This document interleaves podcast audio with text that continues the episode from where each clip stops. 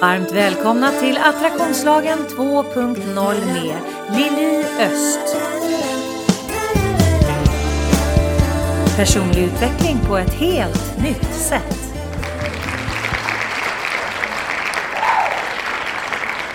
Varmt välkomna ska ni vara till podden Attraktionslagen 2.0. Idag är det min favoritonsdag för jag har nämligen gäst i studion.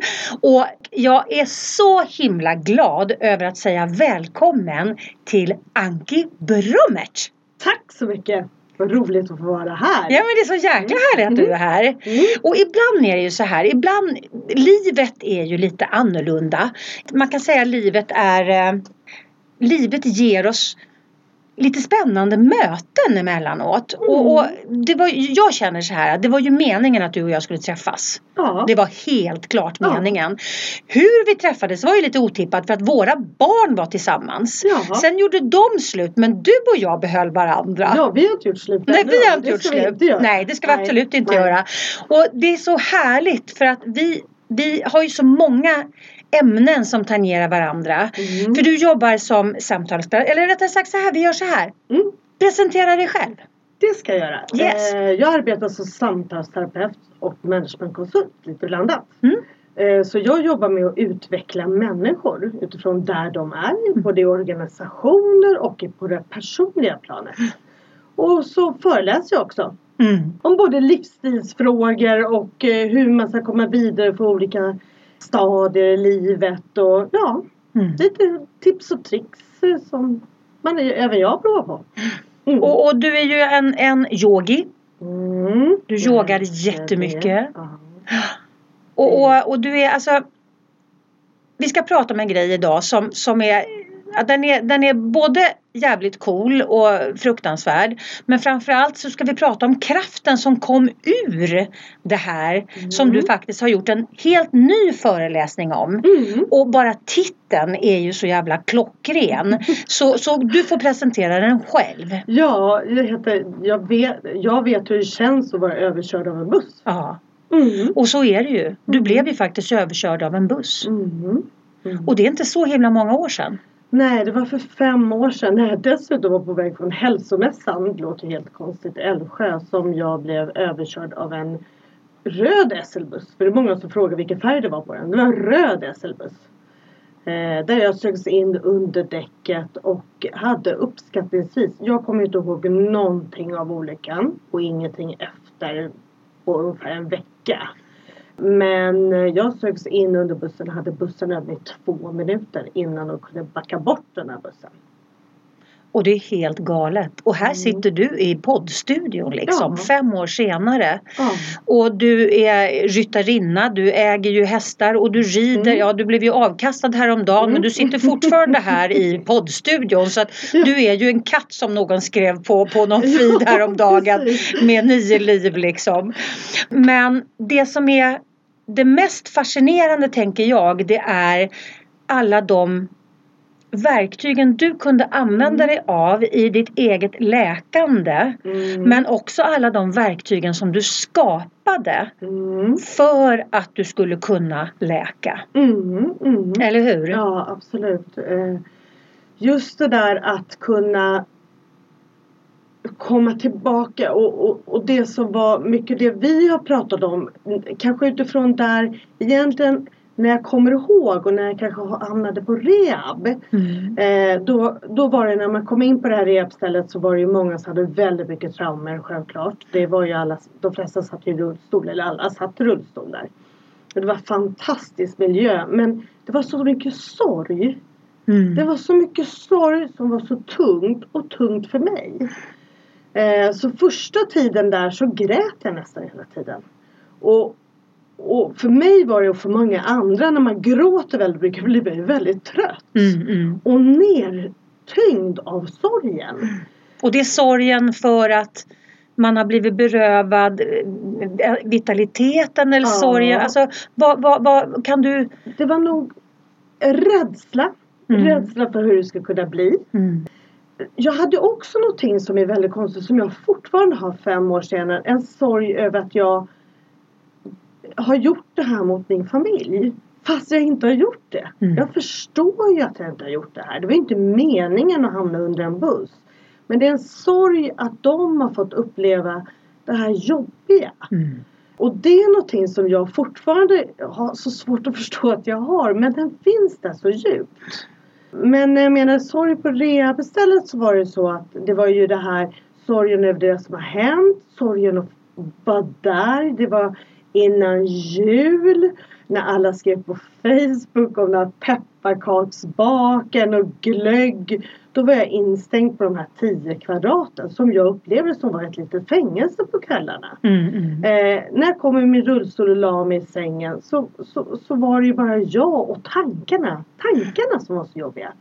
Och jag grät och jag grät och jag grät. Men jag kom också på efter, det var bara efter ett par dagar att om jag gråter så här mycket hela tiden så kommer jag aldrig orka träna. För att då, är så, då sover jag ju inte. Då äter jag inte rätt. Så för mig var det viktigt att hitta någonting att hålla mig. Mm. Mm. Eh, och, och hålla mig för var för där för att stapla upp mina dagar på ett konstigt Strukturera upp mig helt enkelt. Ja, ja. Så jag gjorde så. Jag bestämde ganska tidigt där att jag grät. Jag vaknade på morgonen och grät mellan sju och åtta varje morgon. Jag grät, alltså du vet jag grät så, det var så mycket gråt och ångest, ångest, sorg. Men sen så snöt jag mig, tänkte jag säga. Och gick upp, och det låter så gott, men jag gick upp och sminkade mig. Mm. Jag gick upp och sminkade mig, blötte håret, eller jag gick inte upp, jag fick hjälp upp i rullstolen. Rullade in den, sminkade mig, fönade håret, vilket jag är jättedålig på att göra idag. Och tittade på mig själv och spegeln och sa såhär, fan idag är jag stark Anki. Mm. Idag, vad snygg du är. Och då trodde jag li- att jag, jag tyckte jag var Mm. Mm. det var helt otroligt. Jag tyckte jag var snygg där. 19 kilo mindre, jättemager och, och tyngd. Så tyckte jag det. Så rullade jag ut och då orkade jag träna. Mm. Orkade träna. Så du skapar ju en vinnarstrategi väldigt tidigt tänker jag. Mm, mm. Och det, Nej, eller en överlevnadsstrategi snarare blev det ju. Men, Ja. men det var ändå liksom, för någonstans tänker jag att man gör ett val. Mm. Man gör ett val rätt fort när man har hamnat i en, i en, en, en utmaning. Ja. Om man ska dö, fly eller, eller fightas. Mm, mm, mm. Det är liksom, man går in i det rätt fort. Ja, Och du gick, ju- gick ju definitivt in i fighten. ja, men det var väldigt många där som inte hade förmådde sig. Mm, mm, Orkade inte. De var så täckta med den här sorgen. Var så Mm. tyngda av den här sorgen. Så de, de hade, förmådde inte det. Nej. De hade inte verktygen. nej. Och det har ju både du och jag. Vi Mm, vet ju, mm. även fast det inte alltid är lätt att använda dem. Så vet vi faktiskt att de finns där. Mm. Och att man kan faktiskt få hjälp med det. Ja. Tänker jag. Jo, för det ligger ju inte så långt ifrån oss då, Nej, tänker jag.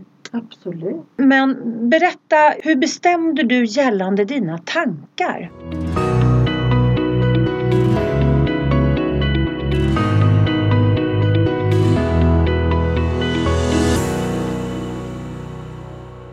För du grät mellan sju och åtta och sen Ja. snöt du dig och sen så gick du upp och sminkade eller du rullade ut i badrummet och sminkade Ja. dig, fönade håret. Ja. Eh, och sen tränade du tänker jag. Mm. Mm. Så vad hände med dig när du gick tillbaks till sängen?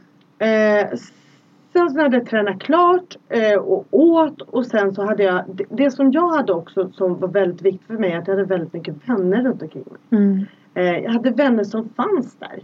Jag var inte ofta själv och äta och, och, och eh, umgås där eh, under den här perioden utan jag hade tryggheten med dem.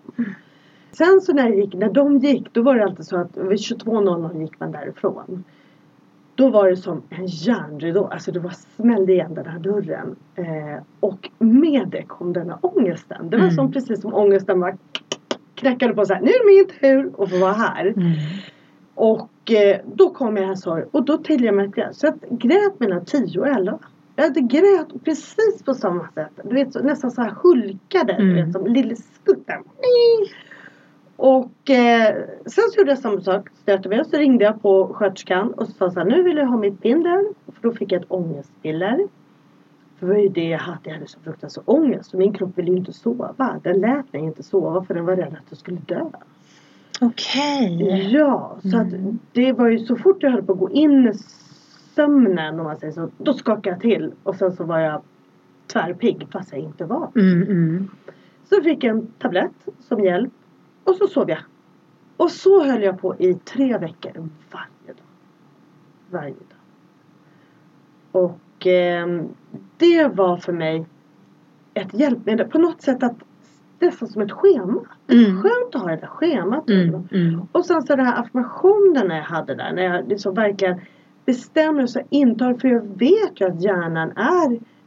Jag ska inte säga rätt, rätt primitiv. Men den är ju det. Vi kan ju skapa våra tankar. Ja, ja, ja, och vi bestämmer. Alltså, vi, vi, det, det vi talar om på vår hjärna, det tar emot som fakta. Mm. Så att det är klart att vi kan kreera våra tankar. Mm, mm. Och så både du och jag säger ofta det här att man avidentifierar sig sina tankar. Mm, Det mm, att jag har mina tankar. mm. Jag är dem inte. jag är inte mina tankar. Nej. Jag har mina känslor, jag har min gråt, jag har min ilska, jag har min frustration. Men jag är inte mitt i det. För det är då jag kan faktiskt välja så som jag gjorde där. Jag gjorde ett val att jag har de här. jag skulle vilja gråta hela tiden. Mm, mm. Jag tyckte så vansinnigt synd om mig själv. Mm, mm. Men jag kunde ha det här känslan att nej det är inte bra för mig för då orkar jag inte träna. Vad blir konsekvenserna om jag ligger kvar i det här? Då kommer jag inte komma upp ur den här rullstolen. Om jag nu ens skulle göra. Men jag hade ju också det som jag berättade för dig. Jag tar där så var det så att jag dividerade min man där. Om jag blir, blir rullstol då kanske jag. Ja varför inte. Då kanske jag ska börja köra rullstolsbasket. Sen så när han påminde mig där och sa till mig så här, men Anke du tycker ju inte om basket. Nej det har du rätt i. Vad ska jag göra då då? Men du hittade ju liksom, du bestämde ju direkt för att okej, okej, vad finns det för möjligheter? Du hade satt på dig möjlighetsglasögonen Ja. direkt för att liksom scanna av och det är också, det handlar ju också om en överlevnadsstrategi. Att faktiskt bli nyfiken på, okej, scanna av liksom, vad, vad finns möjligheterna nu? Mm. Förut fanns möjligheterna där borta. Mm. Nu är jag på, på en annan plattform liksom, eller i en annan plattform. Vad finns möjligheterna här? Mm. Och det är helt fantastiskt. Jag, bara, jag ska börja med rullstolsbasket och så man gillar inte ens basket. Det är ju skitbra.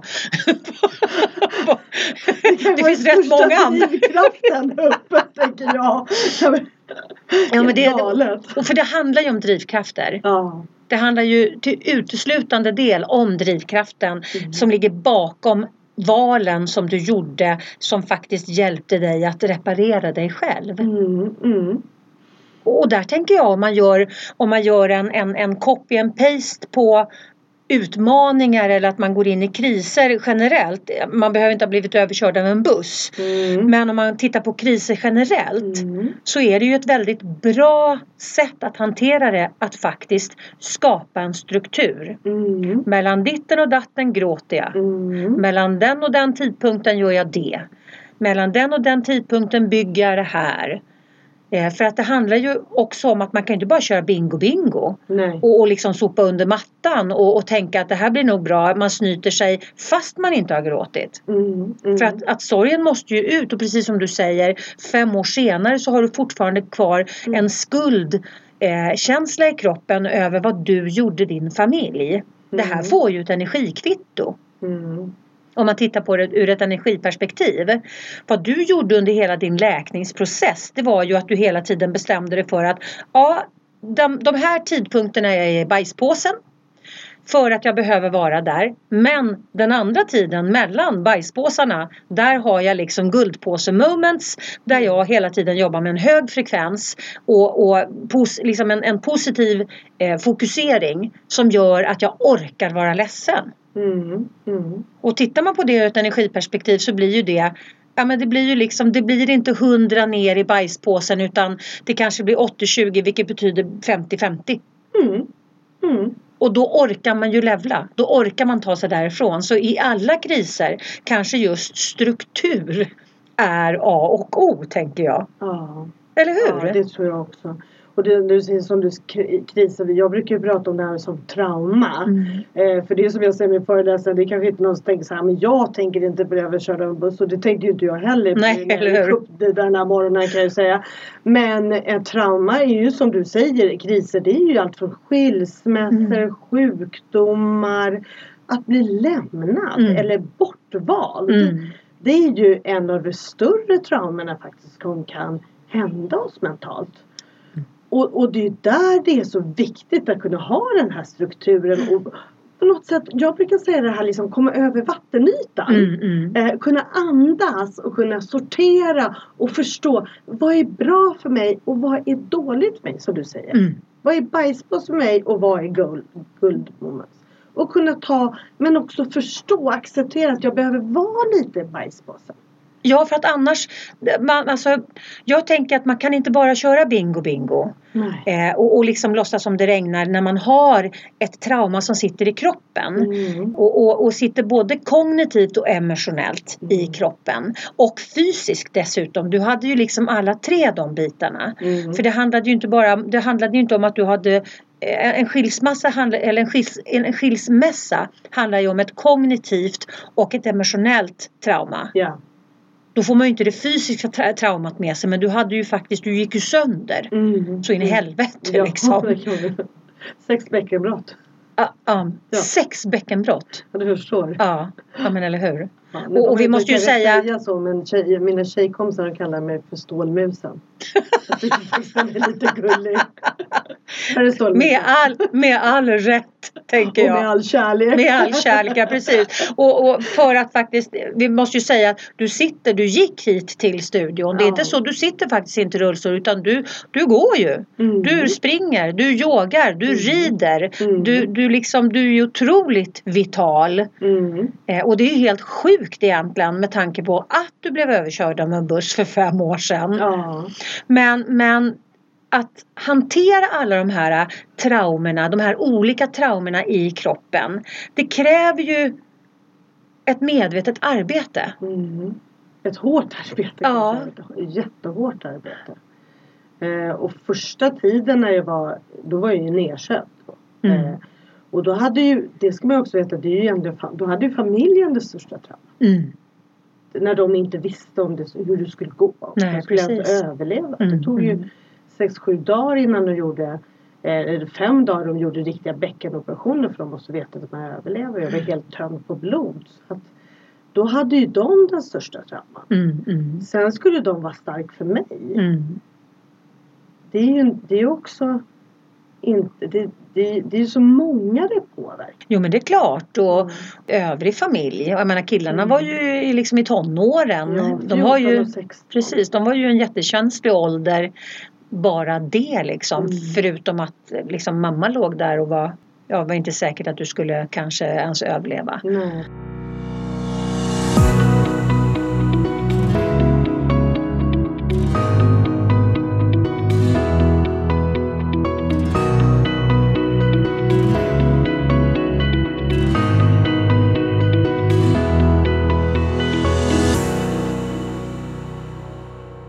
Så det är klart att det blir ju trauma på många olika sätt. Mm. Som behöver hanteras på många olika sätt tänker jag. Absolut. Och, Absolut. och, men äh, tycker du att, att resten av familjen har hittat sitt sätt att, att förhålla sig och hantera? Det jag kan tycka är, eller det som var, nej, ja det var roligt. Vi åkte, när jag fyllde 50 nu Mm. i somras så åkte vi till Kalifornien, eh, hela familjen. Och nu är killarna 20 och 22. Mm. Och vi, eller 21, ja det blir 2021. Ja, och eh, vi pratade väldigt, de pratade väldigt mycket om vad som hände, hur det kändes, hur de upplevde det. eh, Var de fick samtalet, var de var någonstans.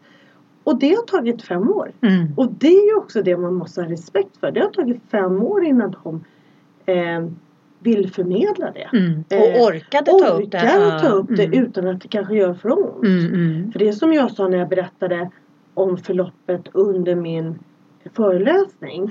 Då berättade jag ju vad som hände. Mm. Och tidigare har jag inte velat göra det för att det gjort så ont i mig. Du har gått in i känslan Ja, ja. jag har gått in Mm. i känslan. Nu var det så här nästan att jag, så, så vi pratade om avidentifierare och Mm. sen titta men gud stackars människa, hon var med om det där. Mm, mm. Utan att det tog så hårt på mig. Och det tror jag har blivit lite med dem nu också. Att de behöver berätta det här men det gör inte lika ont längre. Nej. För de kan avidentifiera sig själva och inte gå in i den känslan. Och det här, är, det här är ju en viktig information överhuvudtaget när det gäller kris och trauma att försöka att titta på saker ur ett avidentifierat perspektiv. Mm. Det finns ju ett NLP-verktyg man tittar in. Antingen kan man titta på, på det man, man, man ska titta på i en TV. Mm. Eh, med eh, sån här gammaldags tv med, med knapp, knappar man kan ja, vrida det, på. Man, precis, man kan vrida upp ljudet eller ner ljudet, upp liksom färgen eller ner färgen och, och man får en närbild eller bilden långt ifrån. Mm. Och det är ju ett sätt att titta på saker och liksom kunna fjärma sig, att titta in eller så tittar man in genom ett fönster på någon annan och är fluga på väggen och tittar sådär. Ja men titta där, nu sitter Anki och Lili och pratar med varandra och Anki berättar för Lili att. Så att man inte, alltså att, att man inte går in i sin egen känsla och jag mm. säger jag säger till mm. eh, Lili att utan mm. eh, Anki säger till Lili att hon berättar om vad som hände henne. Det är också att avidentifiera sig helt och hållet och titta på det från liksom en flugan på väggen perspektiv. Mm. Och det är ett bra sätt att, att kunna sortera i kriser och trauman för att när vi går in i, när vi går in i känslan då går vi ju in i affekten och då får vi ju tunnelseende och vi kan inte vara, vi är inte speciellt smarta då. Nej. Eh, för vi blir ju jävligt förblindade när vi är mitt i känslan. Mm. Och det var ju fantastiskt att du hade den kapaciteten och möjligheten tack vare vem du är och allting som du kan. Mm. Så att du faktiskt mm. kunde göra det här för att liksom klara dig klara dig så bra som du gjorde under din läkningsprocess. Mm, mm. Ja, och, och, och det här att kunna Jag hade ju också det här under perioden när jag var som sjukast där på sjukhuset så redan där tidigt så insåg jag att man behövde lura hjärnan lite. Mm. Eh, så, så, när jag låg i sjukhussängen och de skulle vända på mig då var de ju tre personer genom att jag kunde ju inte röra mig. Jag Nej, låg ganska länge platt på ryggen. Mm, mm. En de skulle flytta, någon skulle bädda om och eh, så. Då gjorde de så att de lyfte upp mig och det gjorde ju så fruktansvärt ont. Eh, även fast jag hade så mycket smärtlindring som mm. jag hade. Jag hade ju massor morfin i mig intravenöst i halsen. Mm. Men ändå så kunde man inte riktigt stilla det där. Eh, och då tidigt så bad jag då min man ta med sig ett gummiband. Så band jag det sängsidan och så sa vi så här ett, två, tre och så drog jag allt vad jag kunde i bandet. Mm. Och då var ju min hjärna där. Mm, du flyttade fokus. Jag flyttade fokus. Och jag, med kraft anser jag flyttade inte någonting på mig för jag var ju så svag där. Men, mm. men jag tyckte det och min hjärna tyckte det. Mm. Så den glömde ju bort vad de gjorde. Mm. Och det hjälpte mig också att kunna hitta saker som gjorde att jag kunde ta bort det där. Det onda eller det som hände mig och allting runt omkring. Att jag på något sätt kunde lägga fokus på någonting annat. Mm. Och det blir ju också en strategi för att orka dela med det som är. Ja. Men just det här, det är ju så jävla spännande. Jag, jag, vi, vi pratade ju om det här du och jag häromdagen eh, när vi lunchade. Men jag berättade ju om att jag ramlade ner. Det är helt sjukt. Jag ramlade ner från en trottoarkant. till, alltså det är ungefär så här, jag ramlade ner från en mattkant. men jag ramlade ner från en trottoarkant. Believe it or not. Och bröt tre revben. Eh, och, äh, men det låter ju som en sjuk historia. Men det, det, det har ju absolut ingenting. Liksom, det går ju inte att jämföra med att bli överkörd av en buss. Men, men det gjorde ont. Ja, det gjorde jävligt ont och jag var ju på väg på gig. Jag skulle sjunga. Eh, när man sjunger så använder man ju sig av bröstkorgen. Man, mm. man expanderar ju bröstkorgen för att du ska kunna använda dig liksom av dina lungor när du sjunger. Och det är ju inte helt jävla enkelt med tre brutna revben liksom. Men jag skulle iväg på gig, jag skulle iväg på en båt. Eh, så att jag, jag kom ju liksom, jag var tvungen att åka iväg. Och sen så dagen efter det, jag kom hem eh, på kvällen och sedan så dagen efter det så skulle jag till Göteborg på något gig och sen så dagen efter det så var jag konferencier på, på konf, eh, konferensexpo hela dagen, upp och ner på scenen och var, liksom stod och konferenserade hela dagen. Alltså helt sjukt. Men jag bestämde mig för att jag håller fokus på allt det friska i min kropp. Mm. Jag vägrade att ge mina, eh, mina brutna reben mitt fokus. Mm. Och det funkade, alltså det är klart att jag hade ont men det var hanterbart. Mm. Dag tre, men det är ju också den värsta Mm. dagen, då, då, då släppte jag av för då kunde jag liksom, ja men då kunde jag eh, släppa taget för att jag, då var jag ledig. Då trodde jag att, att, att mina revben hade punkterat min lunga för jag kunde inte andas. Så då åkte jag upp till sjukhuset och de konstaterade nej, nej, de ligger där så fint i sitt Gore-Tex-paket, det är inga problem med det. Och då bestämde jag mig för, okej, då vet jag det. Så där och då så bestämde jag mig för att fokusera på resten av kroppen som var hel. Och då mildrade jag min smärta direkt igen. Mm. Så det här med att vi faktiskt kan lura hjärnan. Mm. Det, det, det är viktig information tänker jag. Mm. Mm. För att de flesta vet inte det. Nej. Och det är ju ett verktyg. Ja det är ju det och, och man kan göra så otroligt lätt egentligen för sig. Man kan bara skriva två känslor. Den känslan som jag har riktigt, alltså det, om jag är arg eller ledsen på grund av någonting. Så kan jag lägga en lapp jag skriver positiva utifrån det. Alltså den, den syntesen, det vill säga. Så här, vi brukar säga antites och, och syntes och så blir, eller två delar så blir det en syntes. Mm, mm. Och på något sätt det här att jag kanske väljer att stå på det pappret där jag har den här känslan och bara lever mig in i känslan. Och sen bara nej nu ska jag swisha in i den andra. Mm. Och så ställer jag mig på den. Och sen så hur lätt det är. Nej glad, ledsen, glad. Det låter så konstigt. Men det är ju det att jag på något sätt har mandatet att välja. Mm. Eh, sen är det jättesvårt. Jag vet och folk kan säga så här, ja men du är en sån speciell person så du kan bestämma dig.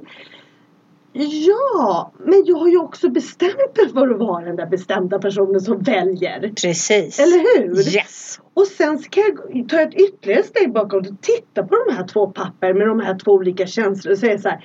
Ja ah, men vet du, nu vill jag vara den här lilla ledsna, sura, griniga typen. Mm.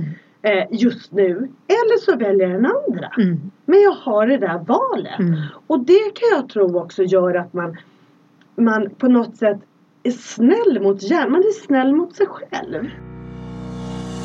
Min förhoppning är ju att den här podden ska hjälpa dig att utvecklas och växa. Och har du frågor som du vill komma vidare i och som du vill att jag tar upp i podden, mejla mig på lili.liliost.se Framförallt så tänker jag att man får en kraft av att det är man själv som gör valet. Mm. För då blir du ju inte ett offer för dina känslor eller tankar. Utan det är du som tar kommando och väljer. Nej, jag går in i det här. Nej, jag går in i det här. Mm. Mm. Mm. För, för vi har det valet. Ja. Men vi är inte fostrade till att vi har det valet. Jag kan väl inte hjälpa vad jag känner. Ja, eller så kan du det. Mm. Mm. För du kan nämligen bestämma dig för hur du tänker och då kan du också bestämma dig för hur du känner. Ja. För det handlar mycket om hur vi förhåller oss till saker och ting. Mm. Det, vi, vi, vi rår inte alltid över vad som händer oss. Du rådde inte för att du blev liksom insugen under en buss. Nej. Men det var du som valde hur du skulle förhålla dig till att du blev insugen under en buss. Mm. Mm. Och det var ju din, ditt förhållningssätt som gör till 100% att du sitter här idag. Mm. Och att du är vital. Och att du, att du kan göra saker för du gav dig fan på att du skulle göra det. Så du gav dig ju inte. Nej. Nej. Utan du, du stöttade dig själv i din läkningsprocess för att du bestämde dig för att det fanns en möjlighet att göra det. Mm. Och jag tror också vad som var en liten räddning för mig det var att jag tog de här små stegen Mm. Som jag tycker många gånger när man kanske är och lyssnar på andra och säger så här, jag bestämmer för att jag bestämde mig. Men jag var mer sådär att jag tänkte så här, ja men det kanske är så att jag kommer hamna här i rullstolen. Ja men då, då, är, då är det bra. Mm. Tänkte så här, då får jag göra bra utifrån det. det. Mm, mm. Eller så kanske jag kan gå på kryckor. Eller så kanske jag kan. Vilket gjorde att alla steg jag tog var faktiskt lite att jag nådde ett mål. Mm, mm. Och att jag inte var, jag behövde inte slå så mycket på mig själv att jag misslyckades. Nej. Genom att jag tog också små etapper. Mm, mm. Och lät dig ta delmål och fira dem. Ja, och, och på något sätt acceptansen Mm. att vet du, det kanske är så här. Mm. Och Men- bara det, Anki, Ja. att gå upp i acceptans. Ja. Det gör ju att vi kommer upp i frekvens. Mm. Ja. Och att vi får en bättre känsla i magen och att vi stärker oss själva. Mm. Så att det är ju en, en, bara det är ju en stärkande process i sig. Att Mm. gå upp i acceptans. Mm. Och det betyder inte att ja, men nu, nu, nu måste det vara dåligt utan det finns en möjlighet i allt. Mm. Och, och om jag bara accepterar att det är så här just nu så finns det en möjlighet att titta på möjligheterna sen. Mm. Mm. För vi vet ju inte, vi vet ju bara vad vi har att jämföra med. Ja. Och jag tänker att det kanske är det som oavsett liksom om det handlar om ett, ett fysiskt trauma eller om det handlar om en, en kris att man blir lämnad eller att man blir uppsagd eller att man, vad det nu är för någonting. Alltså det blir ju det, det blir ju ett trauma i kroppen om man, om, man, om man går upp i acceptans och tänker att det kommer finnas, jag kommer se att det finns en möjlighet sen. Just nu ser jag den inte för att nu har jag på mig ett par glasögon som bara tittar på det som är. Mm. Och jag har bara de erfarenheterna hittills av det som är.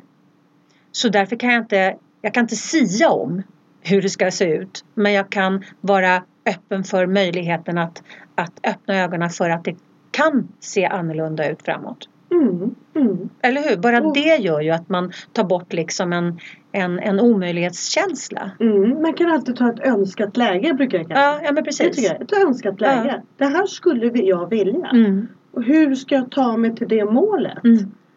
Det kanske är små etapper. Men jag skulle vilja önska det. Men det är fortfarande bara ett önskat läge. Men ett önskat läge är ju, det finns ju en kraft i ett önskat läge. Ja. Ja. För du har också verkligen tänkt till vad du vill. Mm, Och därför eh, riktar din kraft mot det. Mm, Sin energi mm, mot det. Och jag tror ju när, när du sa det där med, det finns ju ny forskning nu som säger att vi kan faktiskt, eh, när vi föds så har vi 75 procent eh, som vi väljer positivt medan 25 procent är eh, det vi föds med. Vad heter By default, det är, alltså, Ja. det är våran programmering. Ja, vår programmering. Mm. Kan du förstå det här att om vi kan välja 75 procent och det är endast 25 procent som är förbestämt eller vad jag ska säga. Mm, Då, då kan man ju inte säga att alla, är man, han är född surgubbe eller hon är född surtant. nej. Eller hur? Utan då har ju den personen valt att vara surtant. Och det är det som är så intressant tänker jag. För att om det är 75 procent vi är 75 procent möjlighet Mm. så kan vi titta på hur vi, alltså hur våran hur, våran, hur vårat samhälle danar oss eh, i former Mm. att det inte finns den möjligheten. För jag menar hittills så har ju inte, alltså varken du eller jag är ju uppvuxna i, i, i den formen, den samhällsformen att det finns 75 procent möjlighet i alla människor utan nej men man får hantera det och man får, man får, alltså det är ju det är lite mer låst läge i, i kommunikationen runt omkring Mm. kan jag tänka. Mm. Men tänk om alla skulle få liksom den implementerad redan i, i liksom dagisåldern. Vet du vad? Till den största delen så bestämmer du dig själv för vad du vill bli för människa. Så vad vill du bli för människa? Mm. Vi, blir inte riktigt, alltså vi får inte riktigt den tydliga eh, kommunikationen tänker jag. Nej. Jag har i alla fall inte fått det. Nej. Har du det? Nej, och, och jag tänker också som du sa den där offerrollen. Mm. Att det kanske är bekvämt att hamna i den och vara Mm. lite sur och lite grinig. Istället för att välja den positiva delen. Mm. Eh, och så någon säger så här, ja men du, du är alltid så positiv. Agge."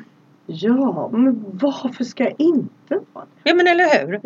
Ja men för, för dig och mig som har valt det så är ju det en, en adekvat fråga. Ja men alltså jag vet ju hur bra det blir när jag väljer på det här sättet så varför skulle jag inte vara det? Ja. Ja, men du kan väl inte vara så här glad hela tiden säger många till mig också. Men vet du vad, ja, men alltså, jag är faktiskt oftast det. För jag väljer det. ja. Jag tycker det är roligast. Men sen så kan jag inte glömma att jag kan bli skitförbannad på dem där hemma ibland. Att satan i gatan. När det tänder till du vet de närmsta som Mm. kanske triggar en i vissa situationer. Och du vet ju ofta, särskilt när de var mindre så visste de ju verkligen vilken knapp de skulle liksom Trycka på. på. när man bara brann. Men då var man där och sen så kom man ur den ganska Mm. snabbt. För det var ju inget roligt att vara där. Nej det är ju inte det. Och, och tittar man på det ur ett energiperspektiv så blir det liksom, det blir bara bajspåse. Ja. Hamnar du lätt i negativa tankemönster? Tar du ut oro i förskott? Känner du att livet skulle kunna vara så mycket mer men du vet inte hur du ska komma vidare? Då är onlinekursen Ta kontroll över ditt liv med såklart-metoden precis vad du behöver. Du hittar den på liliostproduction.mykajabi.com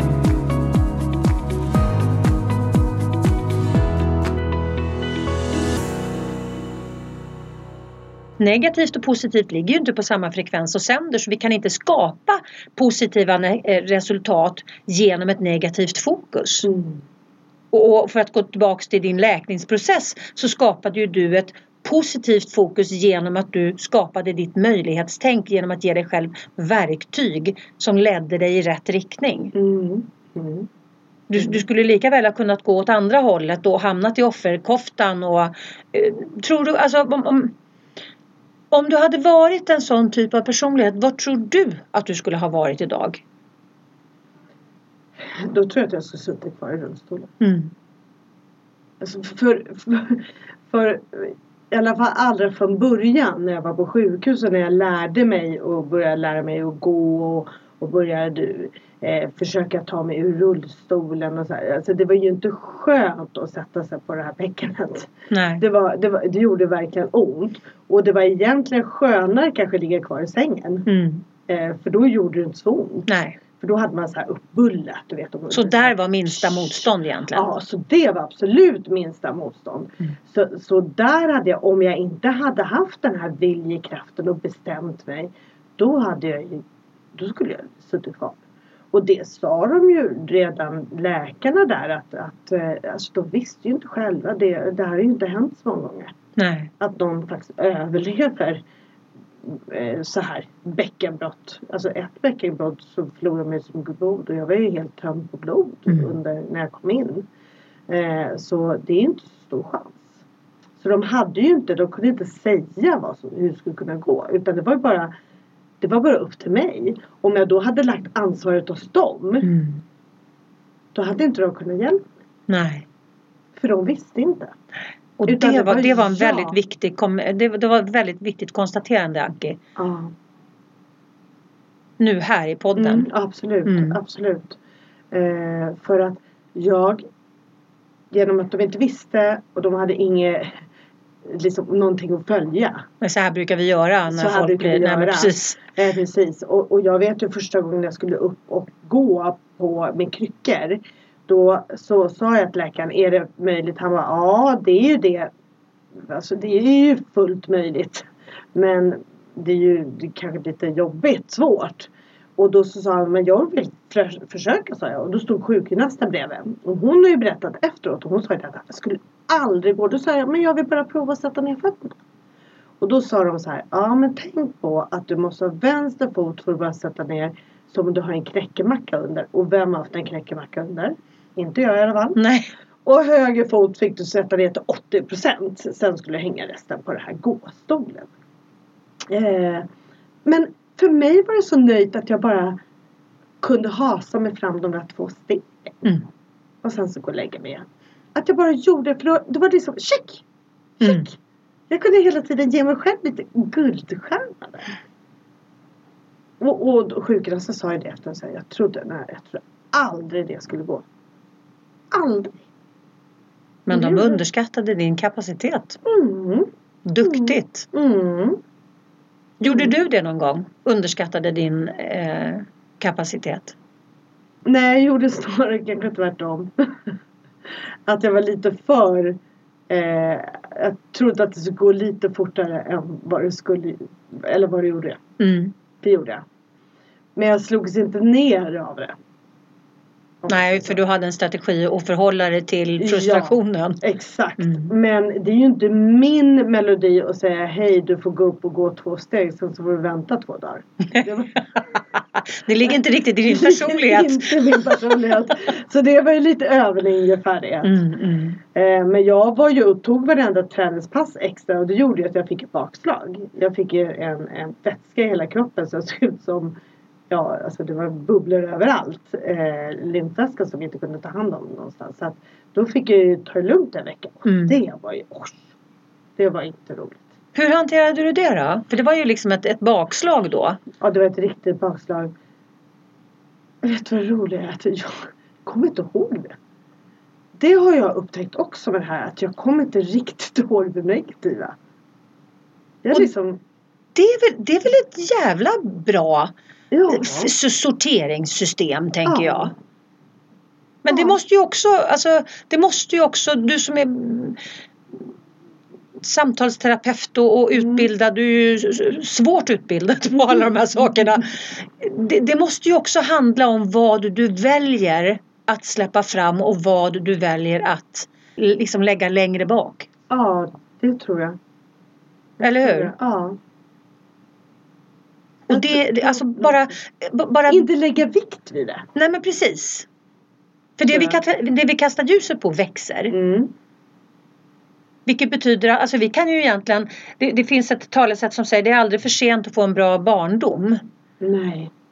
Och, och, och det handlar ju faktiskt om att byta förhållningssätt till och byta glasögon när man tittar på.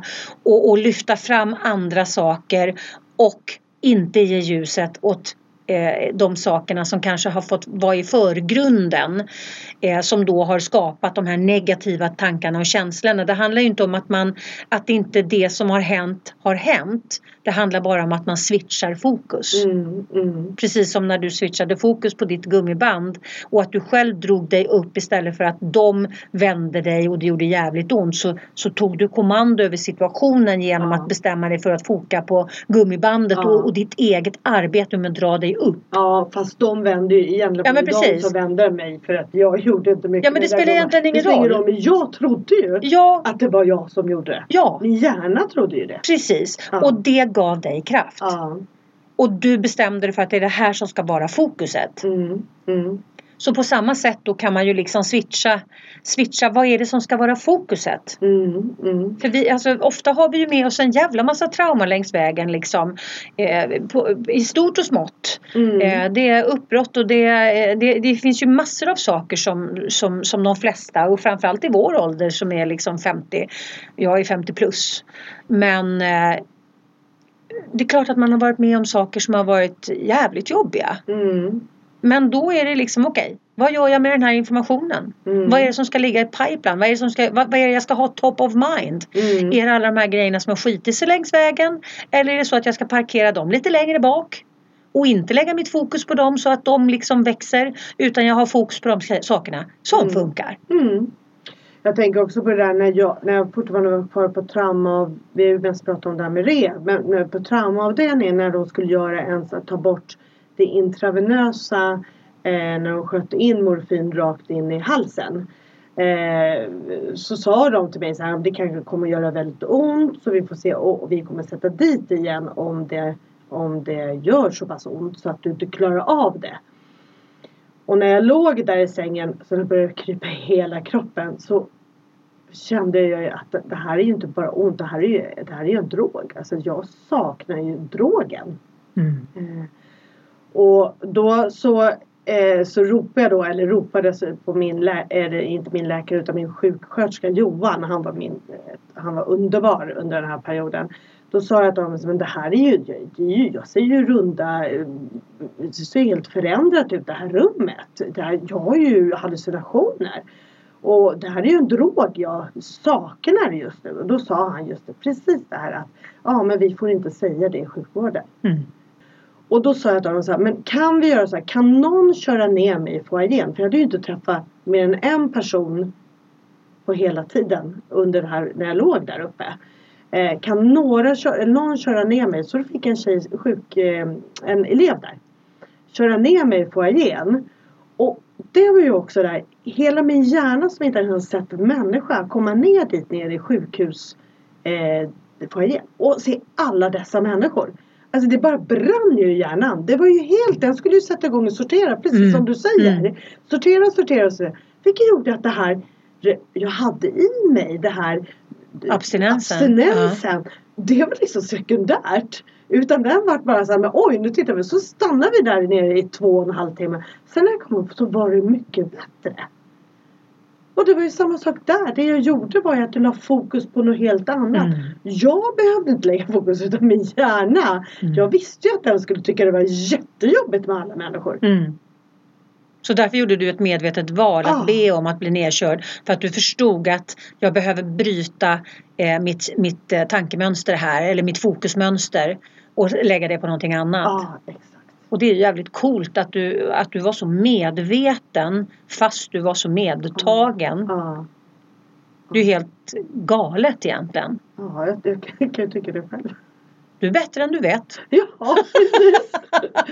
och de bara skakar på huvudet där sjukvårdspersonalen. De bara, du är knäpp. Ja, fast, fast jävligt klok liksom. Ja. För du visste ju vad du gjorde. Ja. Och bara det här att jag var ju uppe nu för något år sedan, två år sedan, när jag hade varit på återbesök hos min eh, huvudläkare. Så gick jag upp faktiskt och hälsade på den. Och de såg ju inte på mig att det var jag. Men de kände igen rösten. De sa ju så här, nej men du var ju så, du gick där som krokig och så liten och nu är du ju ganska lång sa de. Du är en helt annan Mm. person. De så kände inte alls igen utseendet men däremot mitt sätt att prata. Ja, ja, ja. Ja. Och att jag var så positiv hela tiden. Så man kan säga att din positivitet faktiskt räddade ditt liv. Ja.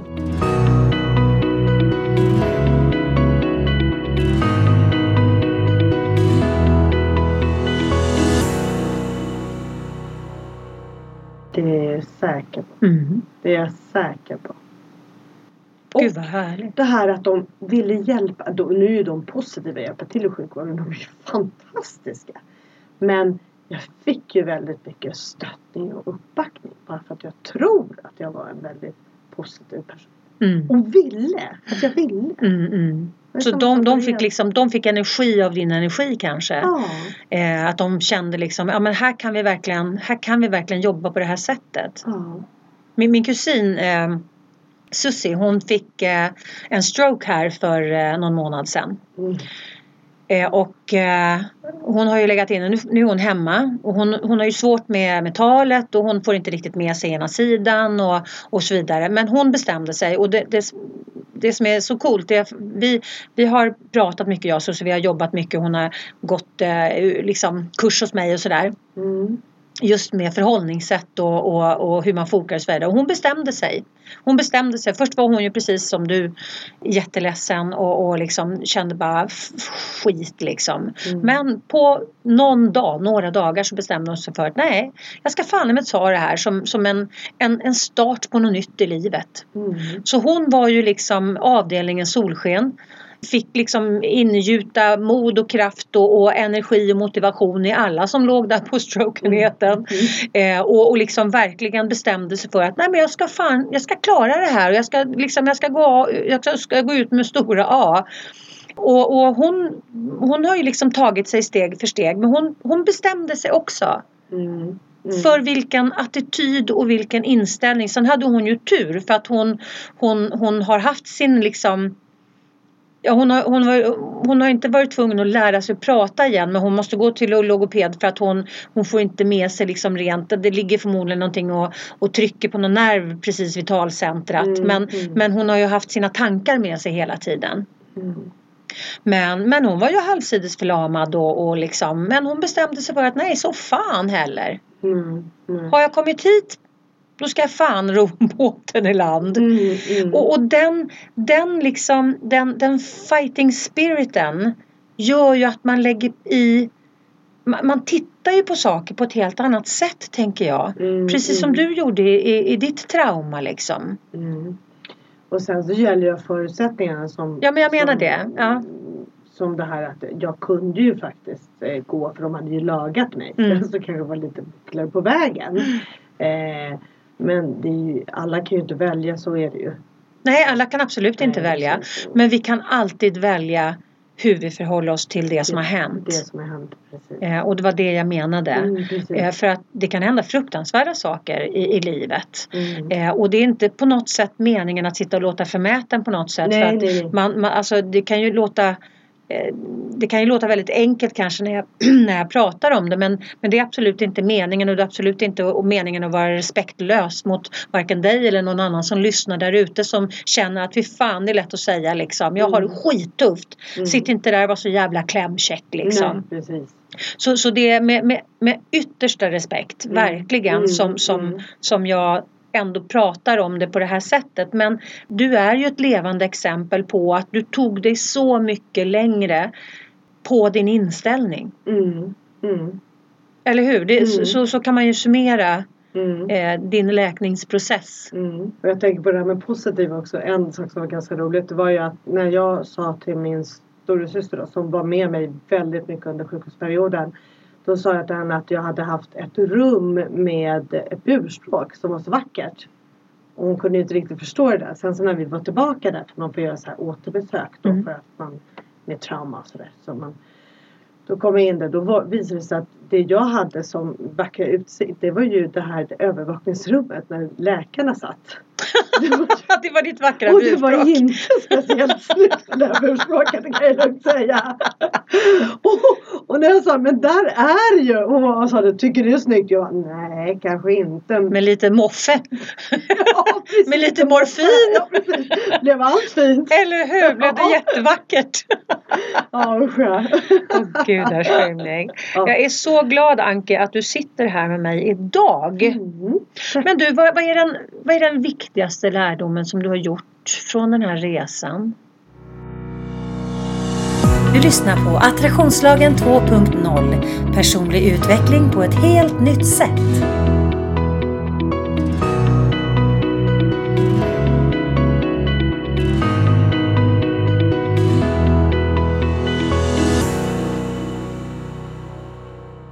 Där tycker jag är en jättesvår fråga. Det är många som frågar vad jag, liksom, om jag förändrar med livet, min synsätt på livet och eh, jag är fortfarande lite, kan bli lite bitter av att det har hänt. Mm. Tycker det är lite onödigt. Mm. Mest runt omkring, de andra runt omkring och mig själv. Men det jag lärt mig är att vi har en otrolig kraft. Mm. Vi alla, vi sitter med en oerhörd kraft. Om vi verkligen ser den eller får hjälp att se den. Mm. För vi har alla den. Mm. har- Men när man sitter där i sorgen som jag beskrev från början. Då är den ganska svår att hitta. Den känns väldigt långt bort. Ja, det känns jättelångt borta. Och, och, och förstå vad det här ska vara mening. Det, det, det är jättesvårt. Eh, när man sitter där. Så hur hittade du den? Mm. Så jag tror, jag vet inte. Jag bara tidigt bestämde mig för att det skulle bli bättre. Mm. Och sen så hur mycket bättre kunde jag inte. Det fick jag skjuta fram sen hela tiden. Mm.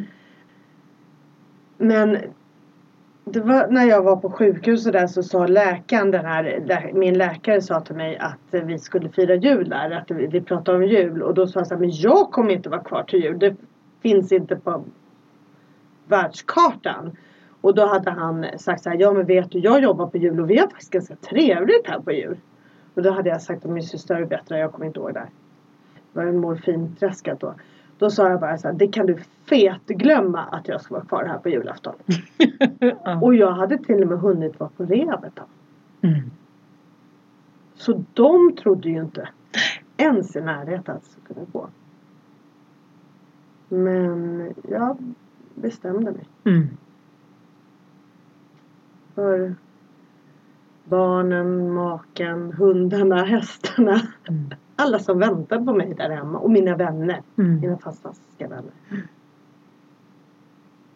Ja, en jävla resa som jag inte önskar varken dig eller någon annan.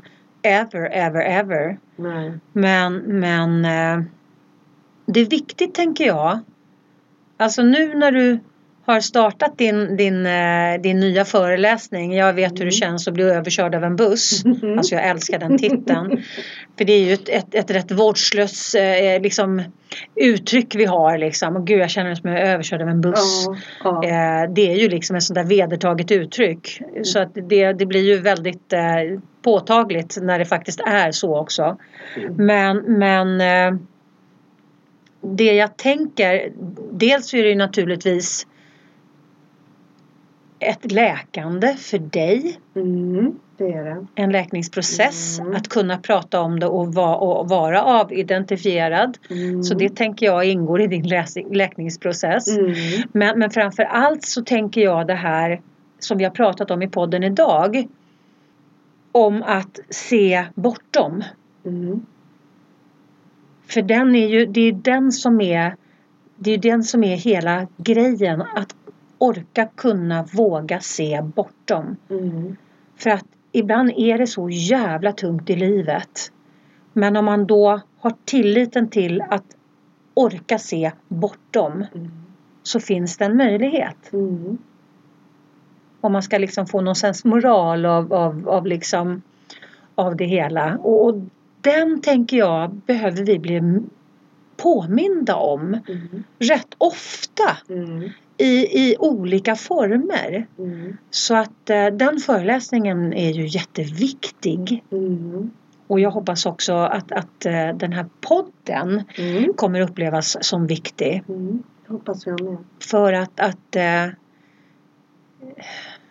vi kan skapa så mycket mer än vi faktiskt tror med den här kraften som du pratar om som vi faktiskt alla har. Mm. Men som vi ibland behöver bli påminda om att, att vi har. Mm. Och det är i princip det som är mitt syfte med hela podden. Är att påminna människor om den här inneboende kraften och våra möjligheter som vi faktiskt har. Även när det är jävligt tungt. Ja. Tankens kraft. Ja, tankens kraft. Ja. Och du är ju ett, ett, ett levande bevis på hur stark tankens kraft är. Mm. Tack. Ja, tack själv. Du är väldigt glad när du säger så. Ja. För det är egentligen det jag också tänker med den här föreläsningen. Mm. Att kunna se att det finns faktiskt möjligheter. Mm. I sorgen, i det jobbiga. Som faktiskt kan hända som du säger. Mm. Att det finns någonting som håller oss ovanför vattenytan. Jobba mot. Mm. Att vi faktiskt kan ta kommandot på det. Hur jobbigt det än känns. Mm. Och få vara där offerkostad ibland. Men välja när vi är där. Mm. Att minimera offerkoftetiden. Ja, och maximera liksom guldpåsetiden Ja. där vi jobbar medvetet. Ja. Mm. I kraft. Ja. Mm. ja. För den andra tar så mycket onödig energi. Mm. Den tar ju mycket mer tyvärr energi än kraften framåt. Mm. Det är ju konstigt. Ja.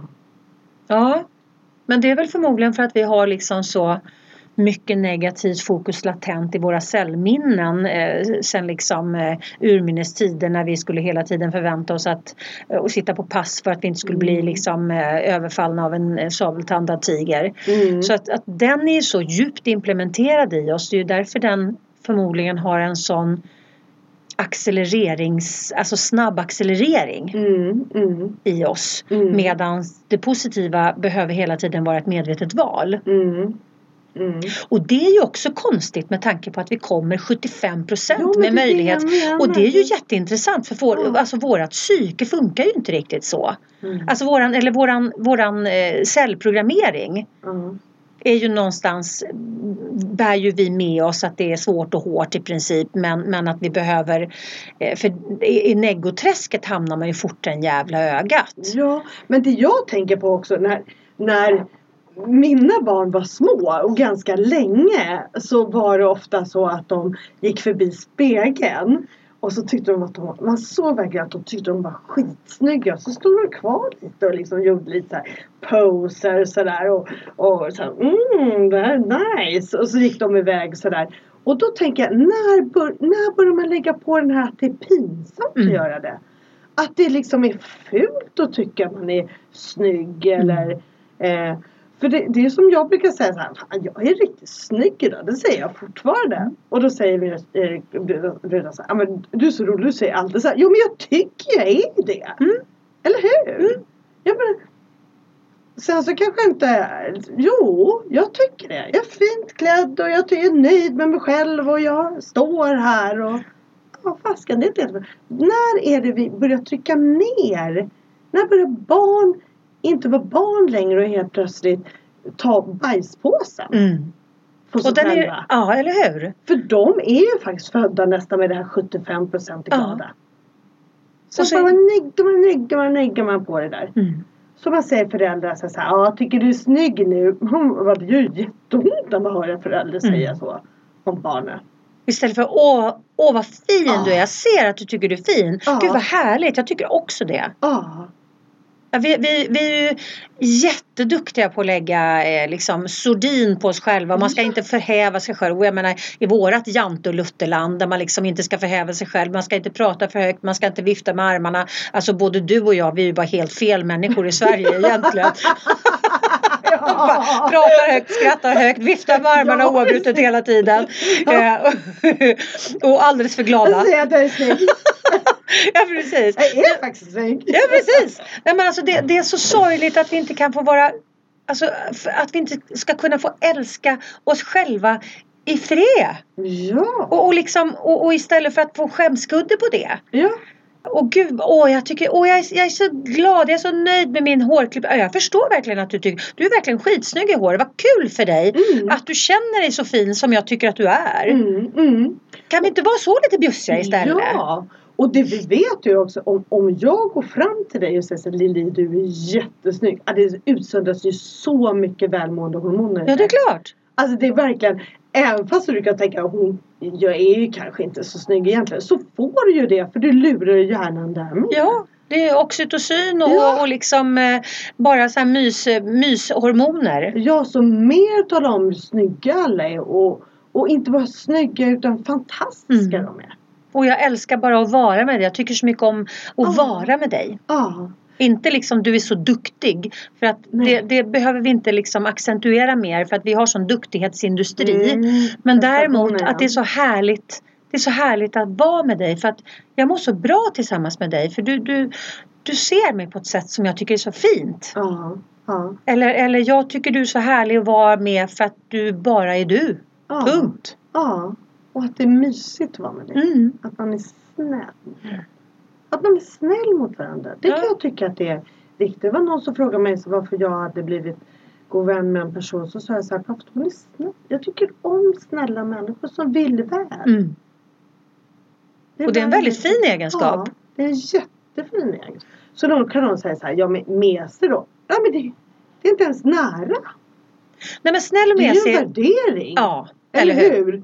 Man blir tokig på det. Snäll och mesig är inte samma sak. Nej, Att vara inte. snäll, det är väl verkligen en fin egenskap. Alla ni snälla människor där Mm. ute, var, var glada över att ni har valt att vara snälla. Mm. I så fall kanske det är de som är runt omkring man ska ifrågasätta om, om, om snäll är lika med mesig. Mm. Eller om snäll är lika med det går väldigt bra att, att köra över mig. Mm. Alltså då, då handlar inte det om personen som är snäll utan då handlar det om de människorna runt omkring. Ja, I så fall, absolut. tänker jag. absolut. Och det här blev en ny podd. Ja, Det här får vi ta nästa det gång du kommer på besök ja, Anki. Jag kände att jag kom liksom på vi, en, en annat spår där. Ja men eller Det hur! var Men du, intressant. eller hur! Ja. Så nästa gång du kommer som min gäst Ja. då pratar vi helt enkelt om vikten och, och vikten av att vara snäll. Ja, Är inte och det bra? välja vårt beteende. Ja. Absolut, det blir en cliffhanger. Ja. Nu vet ju inte ni när den här podden kommer så nu måste ni lyssna varje vecka tills Anki kommer tillbaka och vi pratar om det här.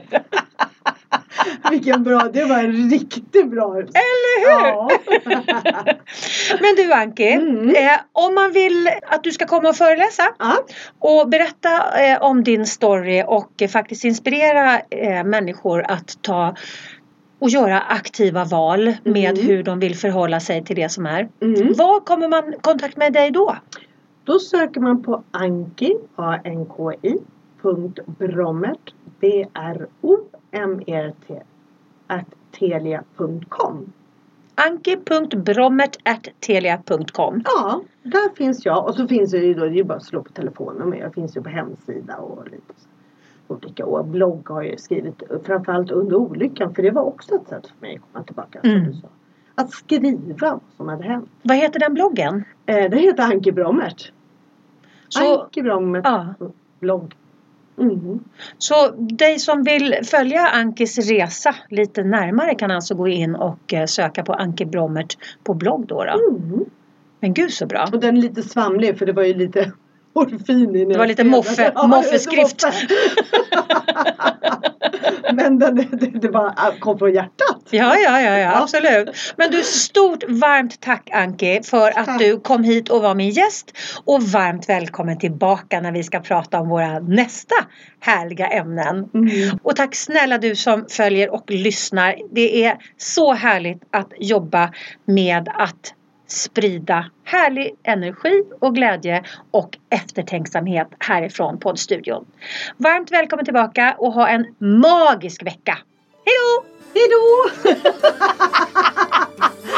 Du har lyssnat till Attraktionslagen 2.0 med Lili Öst.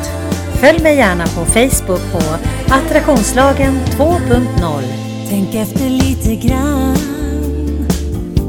Hur har du det omkring dig nu? Är du nöjd? Är du nöjd med det du har? Var är du i ditt liv? Har du funderat på att ta ett annorlunda kliv?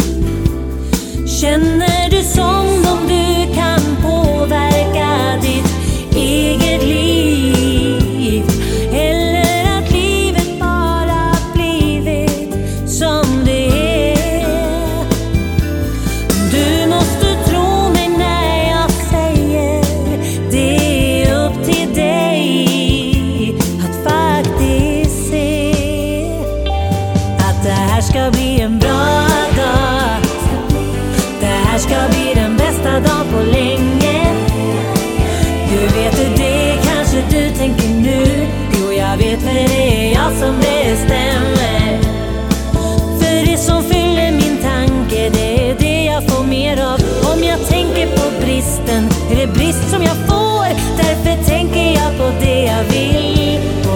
ska bli en bra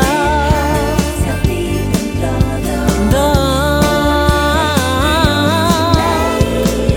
Det här ska bli en bra dag.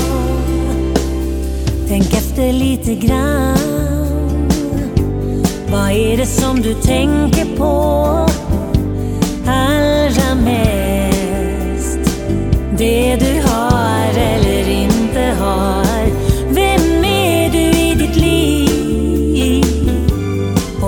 tagit rodret eller drivit